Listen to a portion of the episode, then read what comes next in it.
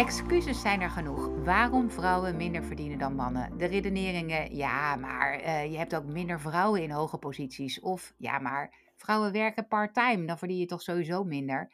We kennen ze al, ondertussen allemaal, maar het probleem oplossen lukt niet. Vandaag is onze gast in de Werkprofessor podcast Sophie van Gool, ondernemer met haar bedrijf Salarisstijger en econoom met een missie om de loonkloof te dichten. Ze schreef het boek Waarom vrouwen minder verdienen en wat we eraan kunnen doen. Het boek is inmiddels genomineerd voor Managementboek van het jaar en staat ook op de shortlist. Ze neemt ons vandaag mee in haar antwoorden en we gaan het niet alleen hebben over waarom, maar vooral ook wat we eraan kunnen doen en of het eigenlijk wel zo erg is. Want zijn vrouwen nou echt zoveel ongelukkiger dan mannen omdat ze minder verdienen? Sophie, van harte welkom. Leuk dat je er bent. Dankjewel. Leuk om er te zijn. Mijn naam is Wendy van Ierschot en mijn eerste vraag is natuurlijk, de enige die ik nu echt kan stellen, is waarom verdienen vrouwen eigenlijk minder? Ja, uh, daar heb ik een heel boek over geschreven voor het lange antwoord. Maar voor het korte antwoord uh, is denk ik omdat we het werk gedaan door vrouwen minder waarderen dan werk gedaan door mannen. En, en is dat echt zo? Want ik, ik dacht dat ze, we ook vrouwen die hetzelfde werk doen minder belonen dan mannen? Klopt. Dus je ziet eigenlijk dat die loonkloof een paar oorzaken heeft. Uh, de eerste, je noemde het al in de intro, is dat vrouwen vaker deeltijd werken. Maar daar staat tegenover dat ze veel meer onbetaald werk doen. Dus je ziet eigenlijk dat in Nederland mannen en vrouwen precies evenveel werken als je het betaalde en het onbetaalde werk optelt. Maar dat bij vrouwen een veel groter gedeelte van de werkdag onbetaald is. Dus werk in het huishouden, zorg voor kinderen. Maar bijvoorbeeld ook mantelzorg of vrijwilligerswerk. Mm dan zie je dat um, vrouwen minder vaak topfuncties bekleden, dus ook minder vaak een topsalaris hebben. Je ziet ook dat uh, typische vrouwenberoepen, zoals de zorg of het onderwijs, dat die hele sectoren minder goed betalen dan typische mannenberoepen. Dus dat we die beroepen en die kwaliteiten um, minder waarderen.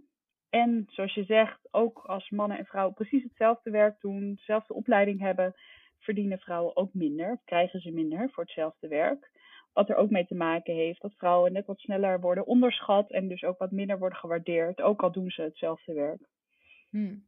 Oké, dat zouden we. Eh, eh, ik vind dat natuurlijk, en wij zijn allebei vrouwen, dus ik, ik, ik heb meteen een onrechtvaardigheidsgevoel. Ja. Maar je zou ook aan de andere kant kunnen zeggen: van ja, vrouwen vinden het dus kennelijk ook niet zo belangrijk. Als ik eh, aan, eh, eh, je merkt ook heel vaak in salarisonderhandelingen, dat is dan mijn vak, hè, het uh, people ja. and culture vak. Dan zie je dat mannen er veel steviger in gaan zitten. Ook vaak omdat zij de kostwinner zijn. Dus het belangrijk vinden dat ze meer verdienen. En je ziet Ja. vaak dat vrouwen veel meer kiezen voor: ik ga hier werken omdat ik het leuk vind. En ja, als dat salaris dan niet precies hetzelfde is als wat ik al verdiende, of iets naar beneden gaat, dan vind ik dat niet zo erg. Ja. Dus ja, is het, is het dan zo erg eigenlijk? Ja, hangt er vanaf wie het vraagt, denk ik. Eh, ik kom wel veel vrouwen tegen die het heel erg vinden. En mannen overigens ook. Want ik denk los van of het nou jezelf aangaat, dat het ook gewoon vanuit de rechtvaardigheidsgevoel en vanuit de grondrechten gelijke behandeling heel erg belangrijk is. Uh, maar je ziet ook dat de maatschappelijke gevolgen heel groot zijn. Dus in Nederland is ongeveer de helft van de vrouwen niet financieel onafhankelijk. En inderdaad, als je een goede relatie hebt en je hebt dat goed geregeld, dan hoeft dat niet heel erg te zijn. Maar ja, je ziet in de praktijk ook dat ongeveer een derde van de huwelijken en relaties uh, strandt. En dat vrouwen daarbij meestal de dupe zijn. Dus dat vrouwen veel meer kans hebben om in de armoede te belanden, ook met hun kinderen. Um, en uh, ja, als je niet financieel onafhankelijk bent, soms ook dat vrouwen in relaties moeten blijven, soms gewelddadige relaties, omdat ze uh, niet financieel onafhankelijk zijn.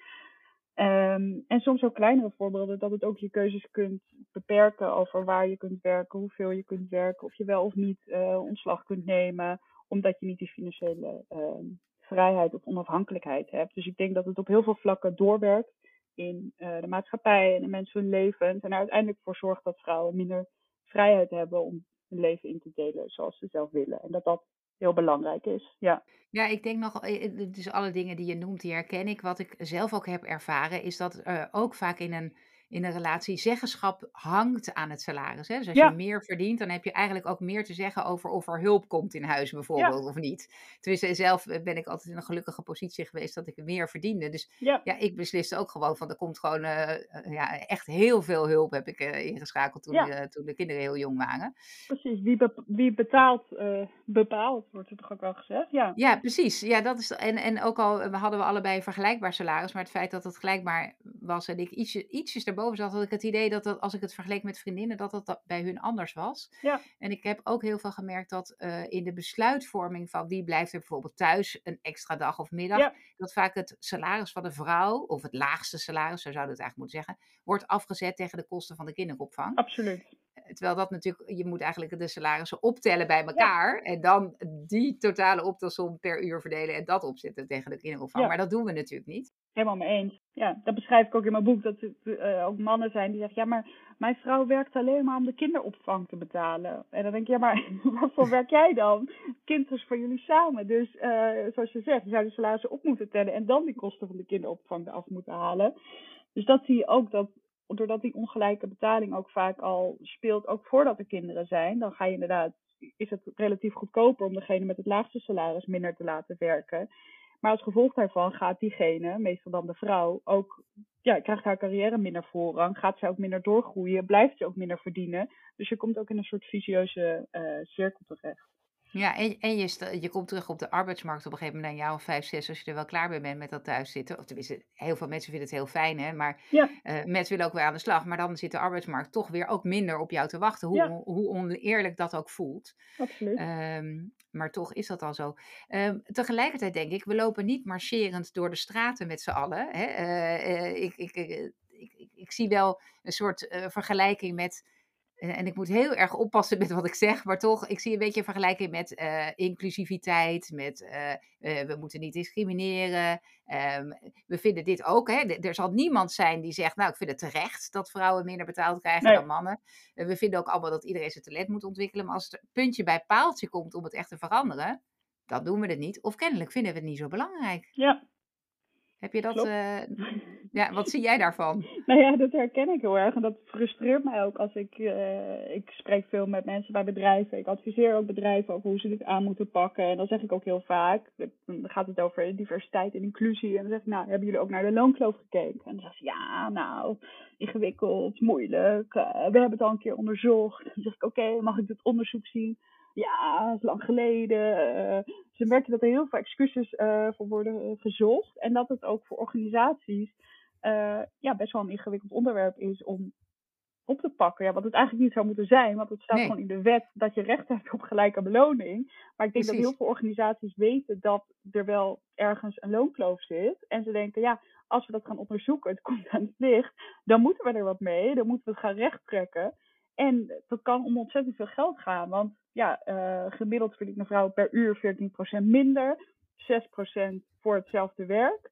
Nou, als je een groot bedrijf hebt waar veel vrouwen werken, dan kan dat behoorlijk eh, in de papieren gaan lopen. En ik denk dat heel veel organisaties daarom denken van nou, we zeggen er maar gewoon niks over. Weet je wel, we gaan het gewoon niet onderzoeken en we richten ons gewoon een beetje op die andere thema's eh, rondom diversiteit en inclusie. En dit zijn ze echt Ja. huiverig om eh, aan te raken. Precies, en die vrouwen staan ook niet demonstrerend in de gang of voor je bureau. Dus eh, Nou, steeds meer wel, denk ik. ja, en ik denk ook dat we, dat we misschien toch in die zin wel kunnen leren van de MeToo-affaire. En ook nu wat er met The Voice is gebeurd. Hè, Ja. dat, dat kan zomaar ineens, kan het maatschappelijk omdraaien. En Ja. dan ben je niet voorbereid. Eh, en dit is natuurlijk wel echt onrechtvaardigheid.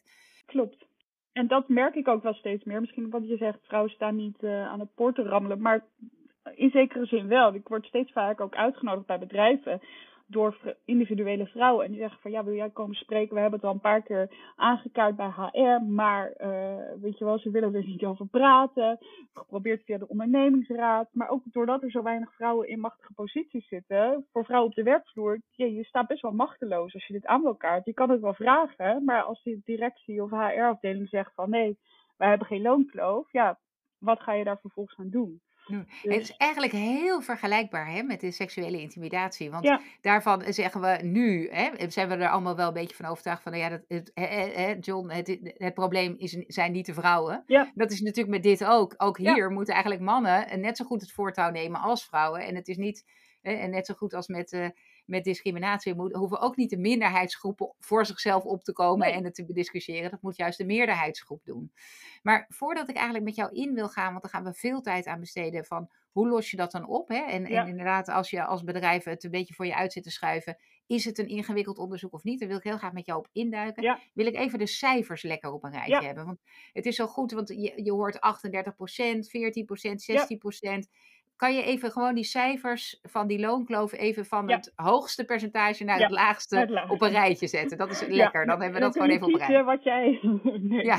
Dus op jaarbasis verdienen vrouwen, en dit gaat over Nederland, 38% minder dan mannen gemiddeld.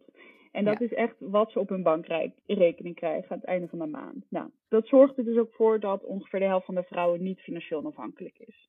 Dan zijn er heel veel mensen die zeggen, ja, maar dat is geen goede vergelijking, want vrouwen werken vaker deeltijd. Nou, dat klopt. Als je daarvoor corrigeert, ehm, dan kijk je naar het uurloon. En als je kijkt naar het uurloon, dan zie je 14% gemiddeld. En daarbij... Ja, dus dan zeg je het uurloon vergeleken, een man doet werk A, vrouw doet werk A, daarin zit 14% verschil. Nee, je zegt oh. alle mannen in Nederland verdienen gemiddeld, uh, ik weet even niet het exacte bedrag, maar verdienen bedrag X um, ja. per uur. Alle vrouwen in Nederland die verdienen gemiddeld bedrag ja. X keer uh, eh, 0,86. Dus 14% minder. Ja. Dan zijn er ook mensen die zeggen, ja, maar dat is geen goede vergelijking, want sociaal zegt, ja, vrouwen doen ook anders werk, ze zitten minder vaak aan de top, uh, die beroepen, weet je wel, vrouwen zoeken zingeving, ze geven niet om salaris, dus we willen echt kijken naar mensen die hetzelfde werk doen. Kan doet het CBS ook onderzoek naar ieder jaar, corrigeren ze voor 20 factoren, waar ook nog best wel wat op uh, aan te merken valt. En dan komen ze op 6% dat ze niet kunnen verklaren. Ze noemen dat de gecorrigeerde loonkloof. Ik noem dat discriminatie. Dus dat is echt wat vrouwen minder krijgen per uur voor hetzelfde werk. Per uur voor hetzelfde werk. Ja, ik vond het, ik vond het um, dus een briljante actie. Ik had gezien dat ze volgens mij uh, bij, uh, nou, ik wil het merk niet noemen, maar volgens mij bij zo'n bekend koffiemerk hadden ze gezegd, mannen moeten 6% meer betalen. Hè? Ja, uh, voor hun koffie. volgens mij. Ja, of 14 procent. Ja. Ja, precies. Omdat zij ook 14 procent meer verdienen. Ik, ik vind dat dus heel leuk. Ja, zeker. Uh, maar goed, laten we er even op induiken. Dit is dus, zijn dus de feiten. Dus we kunnen ervan uitgaan dat in ieder bedrijf, dus als je luistert, ook in jouw bedrijf, verdienen dus vrouwen 6% minder dan mannen voor hetzelfde werk. Ja, en uh, dat is wettelijk verboden. Want dat is gewoon, uh, hè, dat, dat mag niet. Ja. Um, en 6% is een hoop geld als je dat op je salaris doet. Want 8% moeten we even voor de mensen bedenken. 8% is je vakantiegeld, dus ongeveer een maand uh, werk. Dus het, ja. En, en, en we hebben ook geloof ik gezegd, hè, vanaf half november of eind november of zo werken dus vrouwen nog een maand gratis door. Ja. Uh, terwijl mannen gewoon nog betaald krijgen. Dus we hebben het wel ergens over. Zeker. Um, laten we dan even teruggaan naar, jij zei, ja, uh, mensen schuiven het misschien een beetje voor en uit. Ook omdat je er tegenop ziet van ja, zo moet ik veel meer gaan betalen. Um, dat, zie, dat zie ik trouwens in mijn werk. Hè, met, uh, met, uh, met mijn bureau zien we dat ook wel. Dat we soms uh, ja, dat, we, dat mensen, doordat ze salaris krijgen op basis van hun oude werkgever bijvoorbeeld. Ja. Dan krijg je op een gegeven moment, als je groeit met een bedrijf, dan krijg je hele scheve verhoudingen. Want een, ja. sommige mensen komen uit een corporate en de ander komt uit een heel klein bedrijf. En dan heb je sowieso al een verschil in salaris. dus dat moet je dan recht trekken. Nou, heel vaak doen we dat een beetje achter de schermen, nemen we daar iets meer tijd voor. Ja. Maar hoe zou jij het adviseren? Ik zit hier naar te luisteren en ik denk in mijn bedrijf, wij moeten hier wat aan doen. Ja. Wat zijn dan de stappen die jij voorstelt? Ja, ik zou zeggen, heel goed. Je bent een van de weinigen die het echt aan wil pakken, dus eh, ga alsjeblieft zo door. Uh, en de eerste stap is echt om het te onderzoeken en het in kaart te gaan brengen. En daarbij zou ik echt beginnen met de meest simpele vergelijking. En dat is gewoon zeg maar die 38 procent, hoeveel verdienen vrouwen op jaarbasis minder, en vervolgens het uurloon. Wat zijn daar de verschillen? Ja. En daar gewoon is goed, weet je, de data te verzamelen en dat is goed in kaart te brengen.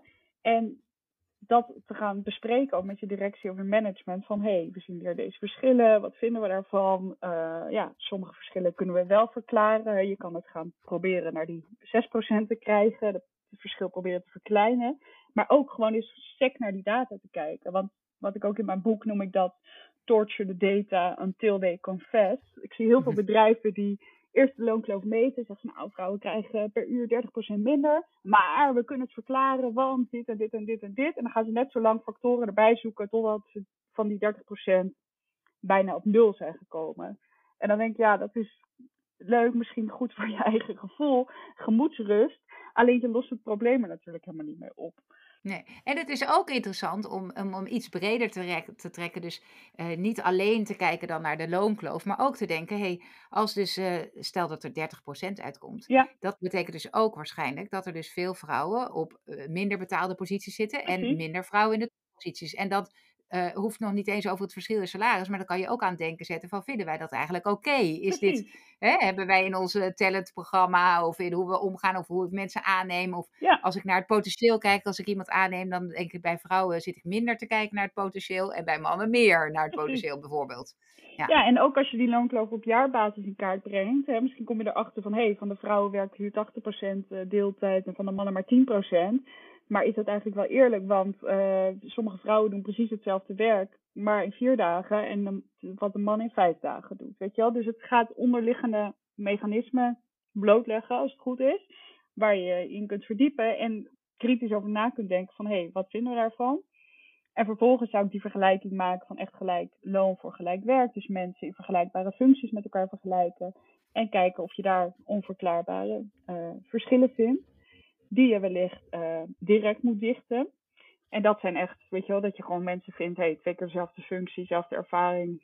Dit kunnen we niet accepteren. Nou, dat zijn verschillen die je eigenlijk onmiddellijk zou moeten corrigeren. En die andere verschillen, zoals je noemt, we hebben te weinig vrouwen die doorgroeien, of we hebben te veel vrouwen die deeltijd uh, werken, maar eigenlijk hetzelfde werk doen. Uh, dat zijn meer wat ja, projecten voor de lange termijn, maar waar je wat mij betreft ook wat aan zou moeten doen om die loonkloof te verkleinen. Hm. Ja, en wat, waar zie je dan dat bedrijven die, uh, die stap zetten, dus die in principe wel geïnteresseerd zijn? Want je zei Ja. al, jouw eerste opmerking was, nou goed, je bent een van de weinigen Ja. die wat wil doen. Maar waar zie je mensen vooral op afhaken eigenlijk, als ze dan die goede stap met hun goede gemoed zijn begonnen? Waar gaat het dan in mis? Wat ik zie is dat heel veel bedrijven blijven heel erg hangen in het onderzoek doen. Dus meestal gaan ze het één keer onderzoeken en dan komt er iets uit waar ze niet zo tevreden over zijn. Want ja, er zijn meestal verschillen. Weet je, dat is zo in heel Nederland, over de hele wereld. Dus waarschijnlijk is het ook zo in jouw organisatie. Uh, maar dat veroorzaakt een soort van uh, ja, ongemak. Dat ze denken van nee, maar dat kan niet zo zijn. Wat je ook al zei. Dat, hebben we niet expres gedaan en we willen dat niet. Uh, dus de volgende reflex is dan eigenlijk om die verschillen te gaan verklaren. In plaats van gewoon te zeggen, ja, weet je, dit is de data. Getallen, numbers don't lie. Weet je wat gaan we hier aan doen? Ja, en misschien elkaar ook onschuldig, hè? Want we hoeven helemaal niet Ja. de schuldigen aan te wijzen van wie heeft dit verkeerd gedaan. Dit is Nee. gewoon een maatschappelijke context. En zo, zo zijn we gewoon, ja, dat, zo is de maatschappij gewoon eh, ontwikkeld. En we willen nu een nieuwe stap erop zetten. Precies, en het sluipt er ook in, weet je wel, wat je ook zei, mensen komen van een ander bedrijf, vrouwen worden vaker onderbetaald vanaf het begin van hun carrière, nou dan vraag je ze weer naar het laatste salaris, dus er zijn allerlei mechanismen die het verklaren, maar ik zou zeggen, ja, accepteer dat, weet je, het is zo, je hebt nu de data gezien, wat ga je eraan doen? Wat is je, en dan gewoon heel simpel, oké, doelen stellen, uh, en ook de, definities maken van, ja, wat vinden wij acceptabele verschillen, wat absoluut niet. Uh, weet je, wat gaan we onmiddellijk corrigeren? Wat bewaren we eventjes voor de lange termijn? Of bewaren we niet, maar wat, uh, weet je, kost meer tijd om op te lossen? Wat gaan we structureel veranderen? En ook, hoe kun je in de toekomst voorkomen dat je die loonkloof uh, krijgt? Wat ga je doen aan je, in je aannameproces, in het inschalen van mensen? Um, om te zorgen dat je het in de toekomst uh, zorgt dat de verschillen kleiner worden. Ja, en ik ben natuurlijk ondernemer en ik, Ja. ik snap heel goed dat jij als onderzoeker, eh, hoewel je hebt natuurlijk ook je eigen bedrijf, maar, eh, maar, maar niet eh, volgens mij een hele grote groep mensen die eh, in jouw bedrijf werkt, toch? Is eh, Nee. niet zo, hè? Nee. Ehm, dus ik kan me ook voorstellen dat je, eh, hè, misschien als onderzoeker denk je, moet dat meteen eh, veranderen, want wettelijk Ja. gezien mag het niet. Maar goed, je hebt ook nog een bedrijf te runnen en als je, Zeker. eh, sommige bedrijven maken hele kleine marges en dan kun je niet zeggen, oké, ik ga even iedere, iedere vrouw eh 6% salarisverhoging geven vanaf morgen. Nee. Ehm, is, hoe, hoe, zit jij daar, hoe zit je daarin? Want ik zou dus eerder zeggen, nou kijk wat je wel kan doen, doe dat in Ja. stapjes. Eh, hou de mannen een beetje terug. Hè? Zo zou je ook kunnen zeggen van we hebben een, veel bedrijven hebben een soort van jaarlijkse ophogingen. Je kunt Ja. ook zeggen, we, we, we hogen de vrouwen wat meer op en de mannen wat minder. Want Ja. dan krijg je ook, hè, dat, dat kost je in feite niet extra geld, maar je Precies. maakt wel een kloof kleiner. Ja, er zijn ook onderzoeken waaruit blijkt dat je eigenlijk geld op kan leveren, precies om deze reden. Dat vrouwen dus eigenlijk niet uh, te weinig verdienen, maar mannen gewoon te veel. Dus als je die mannen iets minder salarisverhoging geeft, dat je en het loonkloof dicht en uh, kosten bespaart als bedrijf. Dus dat kan inderdaad een oplossing zijn. Waar de mannen vaak niet zo blij mee zijn, maar goed.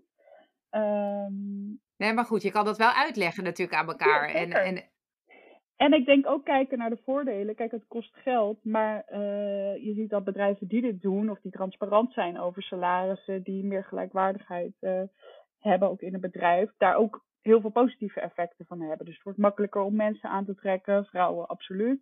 Uh, ja. Ehm, mensen worden betrokkener, loyaler naar het bedrijf. Um, dus er zitten ook heel veel voordelen aan als je dit aanpakt. Ja, en ik denk in kleinere bedrijven, in grotere bedrijven is dat veel ingewikkelder. Maar in kleinere ja. bedrijven zou je ook kunnen zeggen, jongens, we willen dit heel graag halen. Want deze loonkloof willen we gewoon herstellen. Dat moet ja. zo snel mogelijk en het liefst voor het einde van het jaar. Uh, maar dat betekent dat we iets aan onze marges moeten doen. Waar kunnen we, welke kosten kunnen we bezwaren? Kunnen we iets anders doen, waardoor ja. we dit de hoogste prioriteit geven en iets anders misschien uitstellen of op een, een andere prioriteit en dat met elkaar bedenken. Dan is mijn ervaring ook dat mensen toch geld van plekken vandaan halen. Hoewel salaris natuurlijk altijd in alles doorwerkt. Hè? Want je pensioenverzekeringen worden meer, je pensioenafdrachten worden meer de verzekeringen. Heel veel hangt aan dat salaris. Dus salarisverhoging is echt wel iets wat je nooit meer terug kan draaien en wat in alles doorgerekend is. Maar goed, je kunt nog wel kijken naar hoe kan je dat op een, uh, op een goede manier doen. En soms is het ook toch verstandig om te denken, oké, we gaan die loonkroof dichten in een periode, hè? misschien uh, over ja. iets langere termijn uitgespreid. Het is in ieder geval beter dan er niet naar kijken. En je, Absoluut. En, en ik denk ook wat je zegt, ik er duidelijk en transparant over communiceren, het uitleggen, je medewerkers meenemen, dat dat ook al heel belangrijk is en heel veel goodwill oplevert. Omdat er heel veel bedrijven zijn die zeggen, ja, wij willen het er helemaal niet over hebben. Of uh, nee, we hebben geen loonkloof, we hebben het onderzocht en verder helemaal geen informatie geven. Ja, je medewerkers zijn ook niet gek, weet je wel, die prikken daar ook wel doorheen. Ja. Uh, dus ja. eerlijkheid is ook al uh, heel wat. Heel wat waard. Ja. Uh, maar dat lost nog niet op dat je vrouwenberoepen hebt tussen aanhalingstekens. Ja. Hè? Dus, dus in de verpleging bijvoorbeeld, ja, daar heb je. Ten eerste vraag ik me altijd af. Veel, vaak wordt het ook genoemd, hè, de leraren, de verpleging. Ja. Maar daar zijn ook allemaal cao's. Dus dan denk ik altijd, hoe werkt dat dan? Want, want daar zitten gewoon. ja, hoe, hoe krijg je een loonkloof als je gewoon een CAO hebt waarin het per nou, per activiteit wat je doet ongeveer ja. beschreven is in welk uh, niveau je zit. Ja, ja, mensen denken soms die loonkloof uh, kan niet als je een CAO hebt. Dat is niet zo. Het beschermt wel een beetje ertegen. Dus als er meer vast ligt op papier, dan is de loonkloof kleiner dan bij bedrijven waar alles open is voor onderhandeling. Maar je ziet dat ook in cao's er eigenlijk altijd uitzonderingen worden gemaakt. Dus vaak krijgen mannen toch, ja, ze worden ze hoger ingeschaald. Dus dan weet wordt er ietsje soepeler omgegaan, bijvoorbeeld met de traders. Die komt toch in treden 8 en die vrouw komt uh, in treden 5. Um, met dezelfde ervaring. Je ziet ook dat er altijd toeslagen zijn. Dus bijvoorbeeld uh, een arbeidsmarkttoeslag. Of, weet je, dus er worden uitzonderingen gemaakt. En in de regel krijgen mannen gewoon ietsje sneller het voordeel van de twijfel. En vrouwen ietsje sneller het nadeel van de twijfel. En bij mannen wordt er sneller gekeken naar het potentieel. Van nou, hij heeft het nog niet laten zien, maar ik geloof dat hij het wel kan. En bij vrouwen wordt er wat vaker gezegd van nou, je hebt nog niet zoveel ervaring. Weet je, laat het nog maar eerst een jaartje zien. En dan kijken we wel weer verder. Dus uh, zo ontstaat dat ook in de CAO. Oké, en wat doen we dan aan de salarissen? Want we hebben uh, tijdens de corona hebben we natuurlijk gezien van ja. ja we hebben allemaal ontzettend veel waardering voor de zorg. En in, in, het programma van Sander en de Kloof kom je ook een, een verpleegkundige tegen of iemand, een zorgmedewerker die nou, geen, geen normaal huurhuis kan vinden, omdat eigenlijk ja. het salaris daarvoor niet toereikend is. Terwijl we wel ja. zeggen dat is een essentieel beroep. Ja. En je hebt een heleboel bullshit jobs waar je gewoon vijf keer zoveel mee verdient. Uh, waar vooral mannen we... werken. En waar vooral mannen werken, ja precies. Oh, ja. Ehm, wat, wat doen we daaraan? Want dat is eigenlijk een maatschappelijk probleem. Ja, zeker. Ja, ik denk dat we daar ook de politiek en de overheid voor nodig hebben. Omdat heel veel van die cruciale beroepen vallen in de publieke sector, de zorg, het onderwijs, eh, kinderopvang. Dus dat het ook echt aan de politiek is om de beloning eh, daar te verhogen. En maatschappelijke verontwaardiging of onvrede daarover helpt. Dus voor zorgmedewerkers is het natuurlijk heel moeilijk om te staken, want ja, ze willen ook geen mensen uh, laten sterven. Maar uh, ik denk wel dat dat soort acties, collectieve acties, daarbij uh, goed zouden kunnen helpen. En dat het ook gaat over wat we als maatschappij waarderen. En waarom accepteren wij dat iemand in een bullshit job, weet je wel, die nu al twee jaar lang thuis kan werken en een beetje zit te zoomen, meer dan een ton verdient. En dat verpleegkundige, weet je, niet eens een huis kan huren. Dat is natuurlijk ja, van de zotte, als je mij vraagt. Dus ik denk dat daar we echt de politiek voor nodig hebben. Dus ja, stemmen, actie voeren, staken. Dat dat is wat we moeten doen. Dat we moeten doen, oké. En um, als, als mensen trouwens nog niet gehoord hebben van bullshit jobs, google daar even op. Want er is ja. een heel uh, ontzettend leuk artikel geschreven. En dat ging ook over dat de vuilnis niet werd opgehaald in een, uh, een van de Amerikaanse steden. En dat is uh, ontzettend aardig beschreven. En ook dat mensen die in een bullshit job zitten, vaak s'avonds dronken aan de bar, ook wel aan iedereen vertellen dat het eigenlijk hun baan nergens over gaat. Maar vervolgens ja. ze wel heel veel verdienen. Ja echt uh, grappig opgeschreven. Heel goed boek, uh, ja. Van David ja. Draper. Precies. We zullen de link trouwens, bedenken we nu even in de show notes zetten. Want het is echt wel uh, leuk. En, en, en altijd leuk ook om op borrels even een lekkere stevige discussie te beginnen hiermee. um, oplossingen. Zijn er nog andere dingen waarvan je denkt, dat moet ik nog even bespreken voordat we weer afsluiten? Uh, transparantie over salarissen helpt. En dat is ook wat je als ondernemer kunt doen in je eigen bedrijf. En wat natuurlijk ook uh, soms spannend is, maar ook heel veel positieve resultaten kan opleveren. Is gewoon transparant zijn over salarissen. Ook in vacatures, maar ook intern. Laatst sprak ik met de directeur van een bedrijf en zij zei: Ja, we hebben gewoon alle salarissen op een interne drive gezet. En iedereen mag het gewoon zien. En dan weten mensen ook dat ze eerlijk worden beloond. Ze weten dat uh, de verschillen niet te groot zijn intern. Ze weten dat ze misschien door kunnen groeien. En ook als je op zoek bent uh, naar nieuwe mensen, dat je dat gewoon altijd kunt spiegelen aan je huidige organisatie. Dus dat is een hele goede manier om uh, de loonkloof te voorkomen. En ja, je moet wel wat taboes doorbreken. Maar ik geloof wel dat dat uiteindelijk een hele belangrijke oplossing is. Oké, dus naast dat we gewoon moeten beginnen met gewoon even de data verzamelen en de, en de, hè, de grote van, oké, gemiddeld vrouwen verdienen, wat verdienen gemiddeld de mannen en dan vervolgens ook even naar het uurloon kijken. Ja. Ehm, eh, kunnen we ook eh, naar die transparantie van salarissen kijken om in ieder geval dat eerlijker te maken of in ieder geval een duidelijke een soort overzicht per job wat je kan verdienen. Ja. Um, dankjewel Sophie voor al jouw informatie die je met ons hebt gedeeld. Uh, en ook voor het schrijven van je boek, want daarmee heb je ook echt een maatschappelijke discussie ontketend. En ik ben blij dat je boek ook genomineerd is voor de managementboek van het jaar. Want het zou ook een teken zijn dat we dit onderwerp wel echt belangrijk gaan vinden.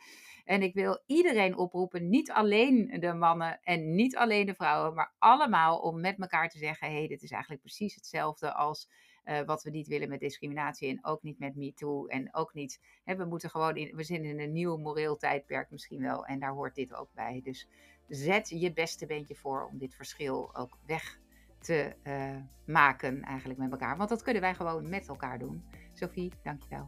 Dankjewel. En voor alle luisteraars, mocht je een idee hebben van een onderwerp of iemand, een persoon uh, hebben waarvan je denkt dat zou ik echt interessant vinden als werkprofessor gast, Laat me weten op Wendy apenstaartje vpeople. En graag tot de volgende keer.